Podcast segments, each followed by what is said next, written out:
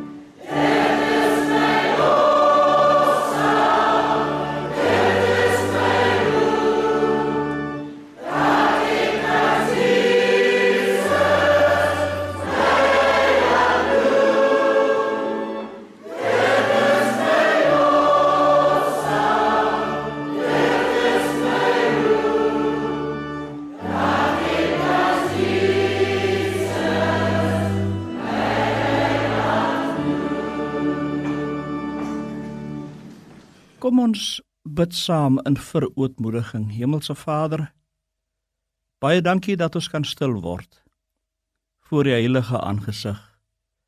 Waarlik, U is heilig. Niemand kan met U vergelyk word nie. Baie dankie dat U die skepper van die groot heelal ook vir ons elkeen ken so nietig soos ons is. U weet van alles wat ons doen. U weet van alles wat ons verteenwoordig. U ken ons by die naam. Ons behoort aan U. Ons bid die Here dat U wat in ons harte insien en weet dat ons begeerig is om die regte ding te doen, maar nie altyd daarin slaag nie, dat U ons in hierdie oomblikke sal begenadig en wanneer ons ons voor U verootmoedig dat ons die vryspraak ook van U sal hoor as julle julle sondes bely. Die Here is getrou en regverdig om dit te vergewe. Dankie dat U dit in die diepste see inwerp. En dankie dat U dit so ver verwyder soos die ooste van die weste is en nooit weer daaraan dink nie. In daardie gesindheid van dankbaarheid kom ons voor U aangesig. Seën ons Here terwyl ons ons verootmoedig voor U aangesig. Amen. Ek gou aan nie voor die opsomming van die wet van die Here soos Matteus dit vir ons aangee in Matteus 22 vers 34 tot 40. En toe die Fariseërs hoor dat hy die Sadduseërs die mond gestop het, het hulle almal saam vergader. En een van hulle, 'n wetgeleerde, het 'n vraag gestel om hom te versoek en gesê: "Meester, wat is die groot gebod in die wet?" En Jesus antwoord hom: "Jy moet die Here jou God lief hê met jou hele hart en met jou hele siel en met jou hele verstand. Dit is die eerste en groot gebod. En die tweede wat hiermee gelyk staan, jy moet jou naaste lief hê soos jouself." aan hierdie twee gebooie hang die hele wet en die profete. Ons spreek nou ons geloof in die Vader, die Seun en die Heilige Gees hardop met mekaar saam. Ek glo in God die Vader, die almagtige, die skepper van die hemel en die aarde en in Jesus Christus sy enige gebore seun, ons Here wat ontvang is van die Heilige Gees, gebore is uit die maagd Maria wat gelei het onder Pontius Pilatus, gekruisig is, gesterf het en begrawe is en ter helle neergedaal het, wat op die 3de dag weer opgestaan het uit die dode, wat opgevaar het na die hemel en sit aan die regterhand van God, die almagtige Vader, vanwaar hy sal kom om te oordeel die wat nog lewe en die wat reeds gesterf het. Ek glo in die Heilige Gees, Ek glo in 'n heilige algemene Christelike kerk, die gemeenskap van die heiliges, die vergifnis van sondes, die opstanding van die vlees en 'n ewige lewe. Amen. Kom ons dank God in gebed. Here, dankie dat ons na U toe kan kom sondig en dat U ons skoon was al was ons sondes soos skarlaken dit sal wit word soos sneeu. In hierdie oggenduur kom gee U vir ons daardie versekering salig is julle wanneer julle weet hoe afhanklik julle van God is. Dankie dat ons ons lewens in daardie afhanklikheid kan voortsit. Seën ons in hierdie oomblikke Here om U naam se wil. Amen. Geliefdes in die Here, ek gaan nou vir u 'n skriflesing voorhou uit Jeremia 9 vers 17 tot 25 en ek lees uit die ou vertaling van die Afrikaanse Bybel, die 1933-1953 vertaling. So sê die Here van die leerskare: Let op en roep die klaagvroue dat hulle kom en stuur na die wyse vroue dat hulle kom. En laat hulle gou maak en oor ons 'n weekklaag aanhef sodat ons oë afloop in trane en ons ooglede stroom van water. Want die geluid van weeklag word uit Sion gehoor. Hoe is ons verwoes? Ons het diep in die skande gekom omdat ons die land moet verlaat omdat hulle ons wonings omgegooi het. Want hoor, o vroue, die woord van die Here en laat julle oor opvang die woord van sy mond en leer julle dogters 'n weeklaag en vir mekaar 'n klaaglied want die dood het in ons vensters opgeklim in ons paleise ingekom om die kinders van die straat af uit te roei die jong mense van die pleine af vers 22 sê dit so spreek die Here en die lyke van die mense sal neerval soos mis op die oop veld en soos gerwe agter die maaier sonder dat iemand dit versamel. So sê die Here, laat die wyse hom nie beroem op sy wysheid nie en laat die sterke hom nie beroem op sy sterkte nie. Laat die ryke hom nie beroem op sy rykdom nie, maar laat hy wat wil roem om hier op beroem dat hy verstaan en my ken dat ek die Here is wat goedertierenheid reg en geregtigheid op aarde doen want in die dinge het ek 'n behaag spreek die Here kyk daar kom daar spreek die Here dat ek versoeking sal doen oor almal wat besny is wat nog nogtans onbesnede is. Tot sover lees ons die woord van die Here. Salig is elkeen wat die woord hoor en dit lewe.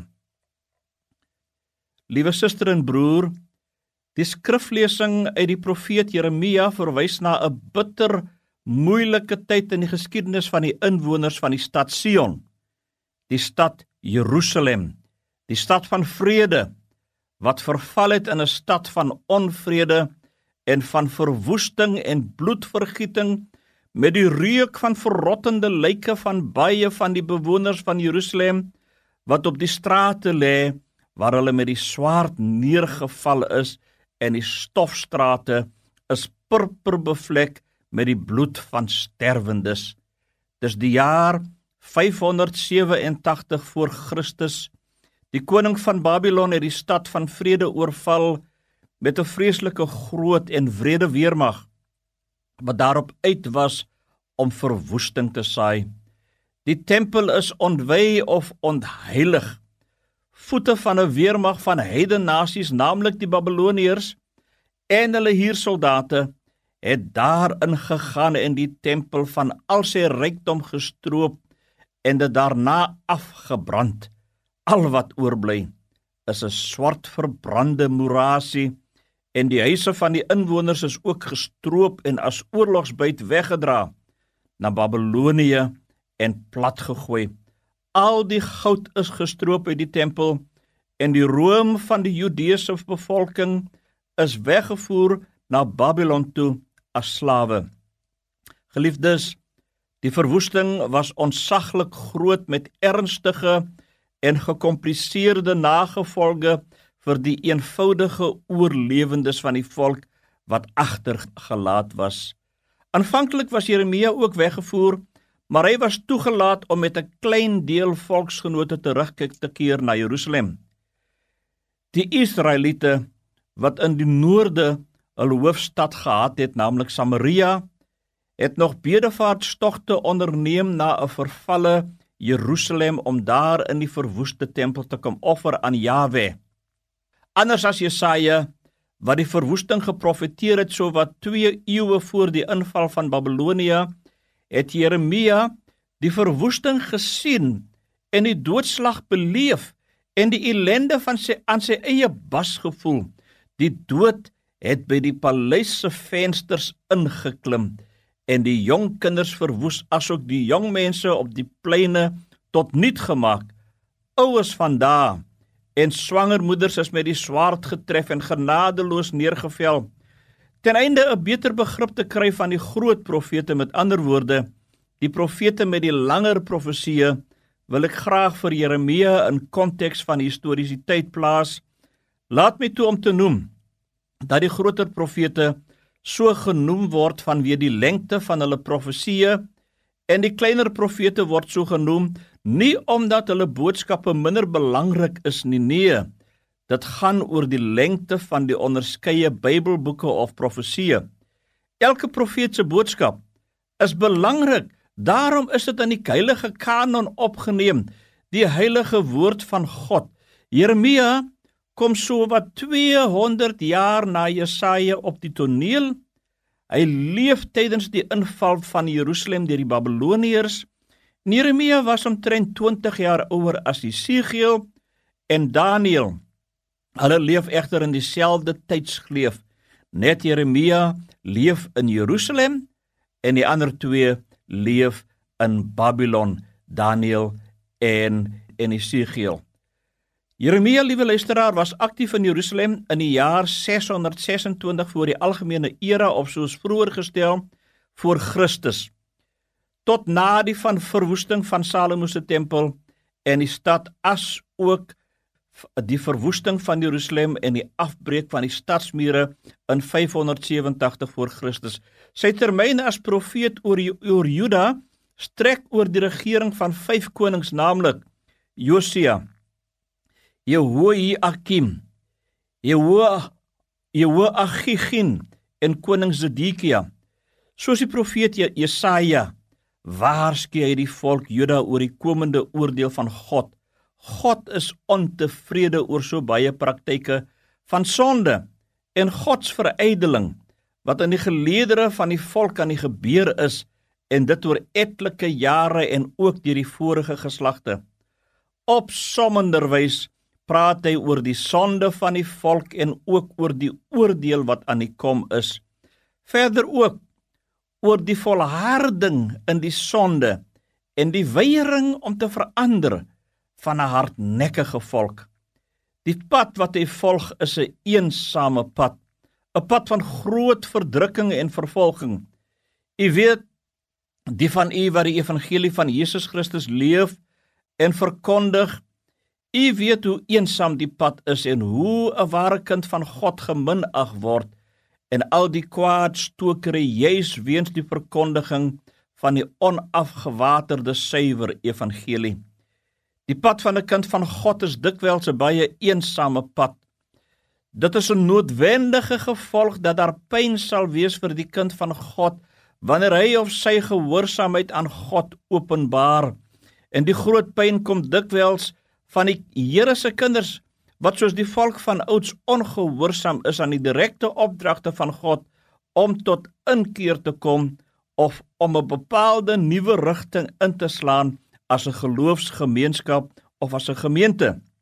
God lei sy kerk en daar is maar altyd die persone wat net sien soos hulle sien en oproerigheid veroorsaak in sommige gemeentes en die werke van die Heilige Gees vertraag of belemmer weens hulle eie bepaalde sienings of optredes wat soms niks met die wil van God te maak het nie, maar 'n eie ekhouding is wat die werk van die profeet in die gemeente of die kind van God verskriklik moeilik maak.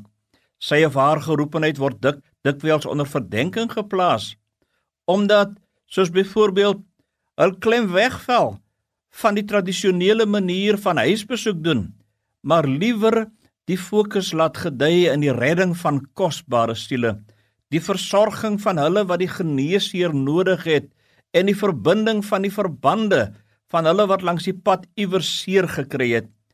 Net so het Jeremia dit ondervind. Hy was in 'n put gegooi omdat die volk eenvoudig net nie na sy woorde wat God aan hom bekend gemaak het as pro as God se profeet wou luister nie. Hulle het hom nie geglo nie. Hulle het liewer die populistiese valse profete geglo. Weet jy, hierdie gedagte van swaar kry, die swaar kry van Jeremia, dit kan dien as 'n bemoediging aan 'n kind van God wat getrou vashou aan die waarheid van God. Hou moed, liewe Christusstryder. Jesus het ook by geleentheid gesê, hulle het dit aan die profete voor julle gedoen. Hulle sal die swaard teen julle hef en julle tref en glo dat hulle God 'n guns doen. Begin die volk paai met 'n soetsappige woord en jy blom in populariteit soos die valse profete in Jeremia se tyd.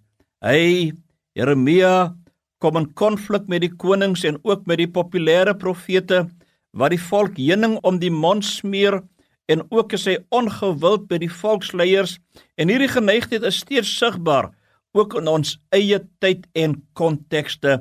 Ons leer van hom dat hy gewelddadige teenstand moes verduur en tog was hy triomfantelik ook in bloedige beproewing. Hy was wreed gestraf vir die profetiese waarhede wat uit sy mond gekom het. Sy profesie was ook een van troos terwyl hy bedien in die laaste dae van Jerusalem voor die inval van Babylon.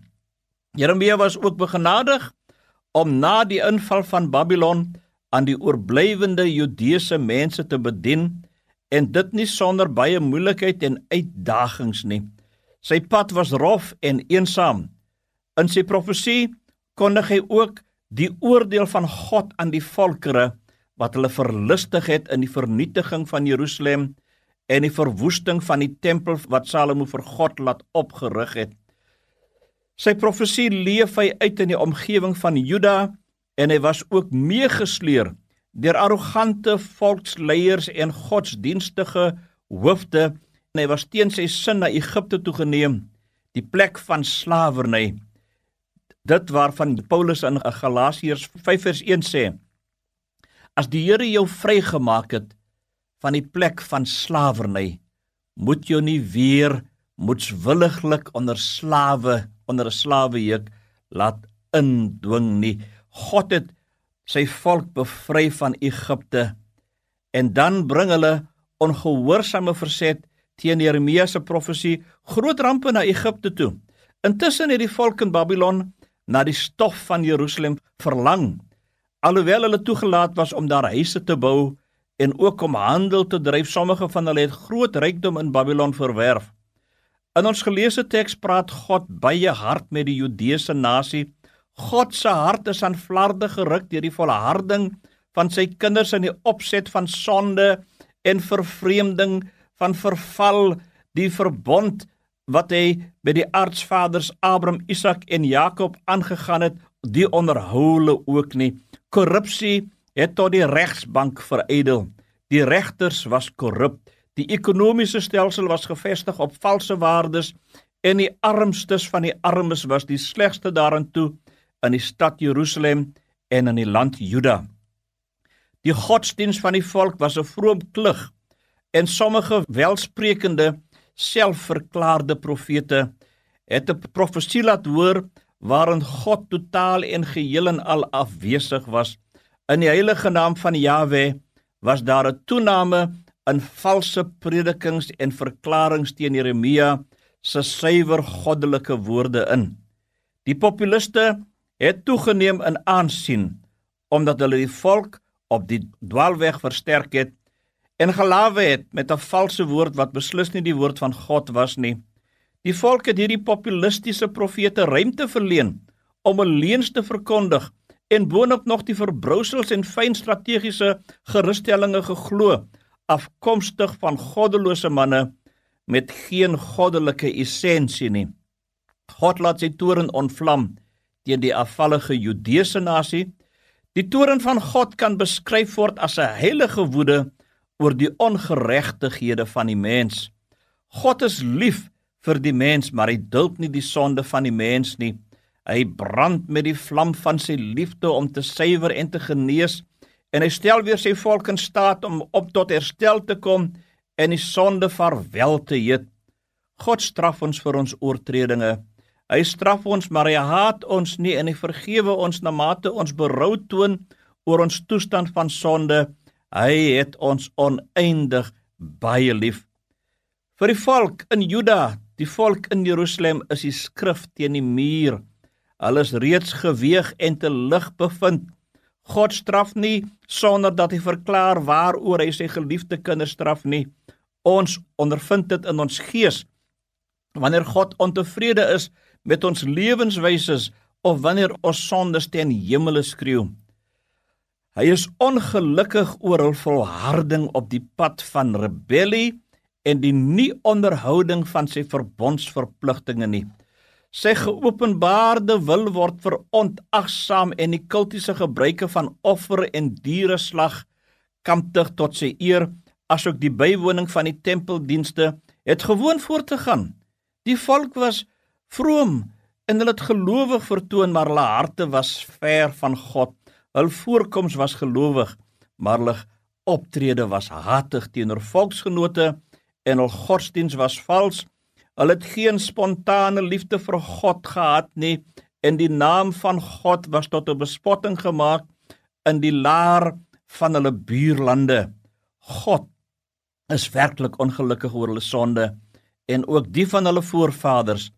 Hulle het hul harte teen God verhard God gaan uiteindelik hulle harde harte verwyder en aan hulle harte van vlees gee.